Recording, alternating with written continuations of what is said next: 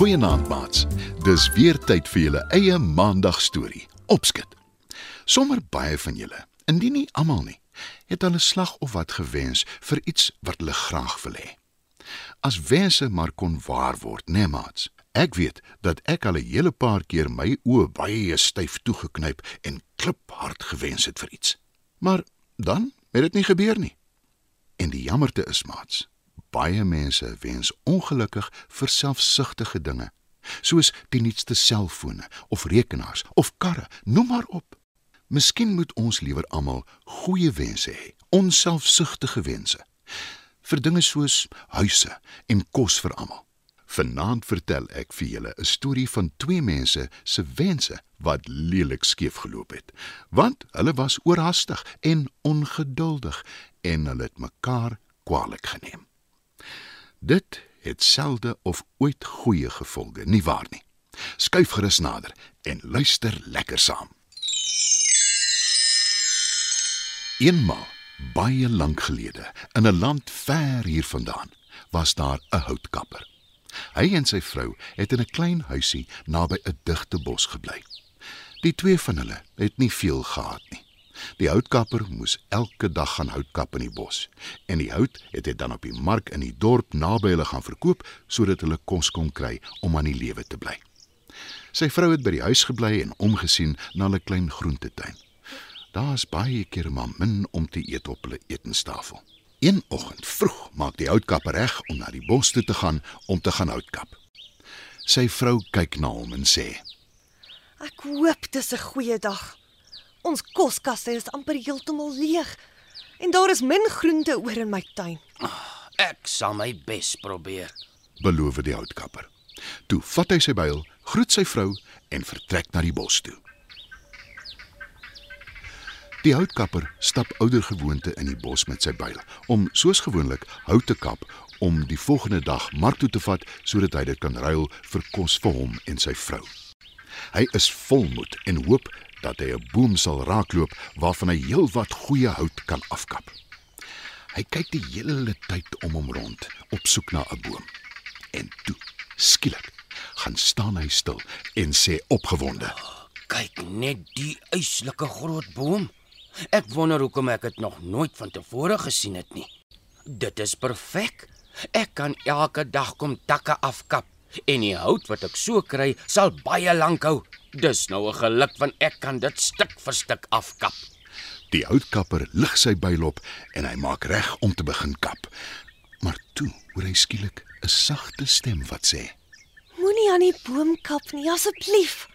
Die houtkapper skrik. Hy kyk rond, maar hy sien niemand nie. Toe dink hy, hy het hom seker verbeel. En hy maak reg om weer te kap. Maar hy hoor weer dieselfde stem wat pleit. Wees my genadig en spaar die boom. Groot asseblief. Die houtkapper is nou baie verbaas. Hy oorweeg dit eers om maar net aan te stap en te vergeet van die boom. Maar hy kan nie so kans laat verbygaan nie. En hy roep: Wie is jy? En waar is jy? Toe hoor hy, tot sy verbasing, die stem wat sê: Ek is 'n vee. Ek bly in die boom. In die winter in die hol stam en in die somer op die takke. As jy dit afkap, het ek nie meer 'n huis nie. Soek vir jou 'n ander boom om in te bly. antwoord die houtkapper. Maar die vee wil niks daarvan weet nie. Hoe sal jy daarvan hou as jy skielik 'n ander huis moet gaan soek? Vra sy. Die houtkapper dink 'n oomblik na. Toe antwoord hy: Ah, Ek bly nie in 'n boom soos jy nie. En die een se hout is ideaal. Ek moet aan die lewe bly en die hout sal daarvoor sorg. Ek het 'n ander voorstel. sê die vee. Nou is die houtkapper nuuskierig en hy vra: Hm. En wat sou dit nogal wees? Los die boom en ek gee jou 3 wense. sê die vee. Die houtkapper kan nie sy ore glo nie. Die aanbod is beslis een wat hy nie kan weerstaan nie. Hy is baie bly en stem dadelik in, Nou goed. Jou boom is veilig. sê hy. Hy begin klaar te dink hoe hy die res van sy lewe nooit weer hoef te werk nie as hy die drie wense reg gebruik. Toe draf hy vinnig terug huis toe om vir sy vrou die goeie nuus te vertel. Hy kan skaars sy opgewondenheid beteel. Maar toe hy by die huis aankom en sy vrou sien hy het niks hout by hom nie, begin sy met hom raas. Ag nee, jou niks net. Wat het jy die hele tyd aangevang? Jy het dan niks hout by jou nie. Die houtkapper keer en sê: Ek het iets veel beter as hout. Sy vrou kyk ongelowig na hom en sê: O ja. En wat is dit nogal? Die houtkapper vertel haar alles wat gebeur het. Nou is sy net so opgewonde soos hy. Die houtkapper besef hy is skoon honger na al die opgewondenheid en hy vra sy vrou vir iets om te eet. Maar omdat hy so vroeg terug is, het sy nog nie kos gemaak nie. Die houtkapper sê vies Ek wens ek het nou 'n bord geurende breedie voor my gehad. en daar verskyn 'n bord met breedie voor hom op die tafel. Die houtkapper val weg en smil. Kry vir jou ook. Dis baie lekker. sê hy vir sy vrou, maar sy is te vies vir hom omdat hy een van die wense gemors het op een bord kos en sy raas met hom. Kan jy nie dink voordat jy praat nie, hè? Jy het 'n hele wens gemors. Roep sy. Die houtkapper steur hom nie aan haar nie. Hy eet heeltemal te lekker. Sy is later so kwaad dat sy sê: Ek wens die lepel waarmee jy eet sit aan jou neus vas. "En ja, jy het reg geraai." Daar sit die houtkapper nou met 'n lepel aan sy neus. Hy trek en trek om dit te probeer afkry. Sy vrou trek saam, maar die lepel klou vas aan sy neus. Die twee kyk moedeloos na mekaar.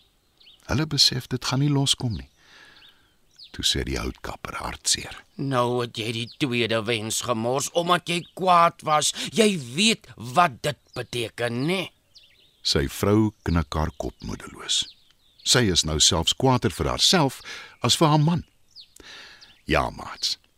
Die twee moet die laaste wens gebruik om die lepel van die houtkapper se neus af te kry. Dis ook wat hulle doen.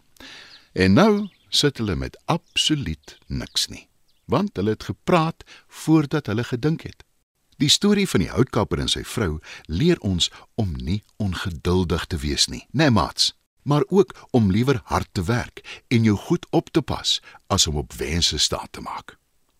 Maar dit sou tog lekker gewees het as wense wel waar geword het, nie waar nie?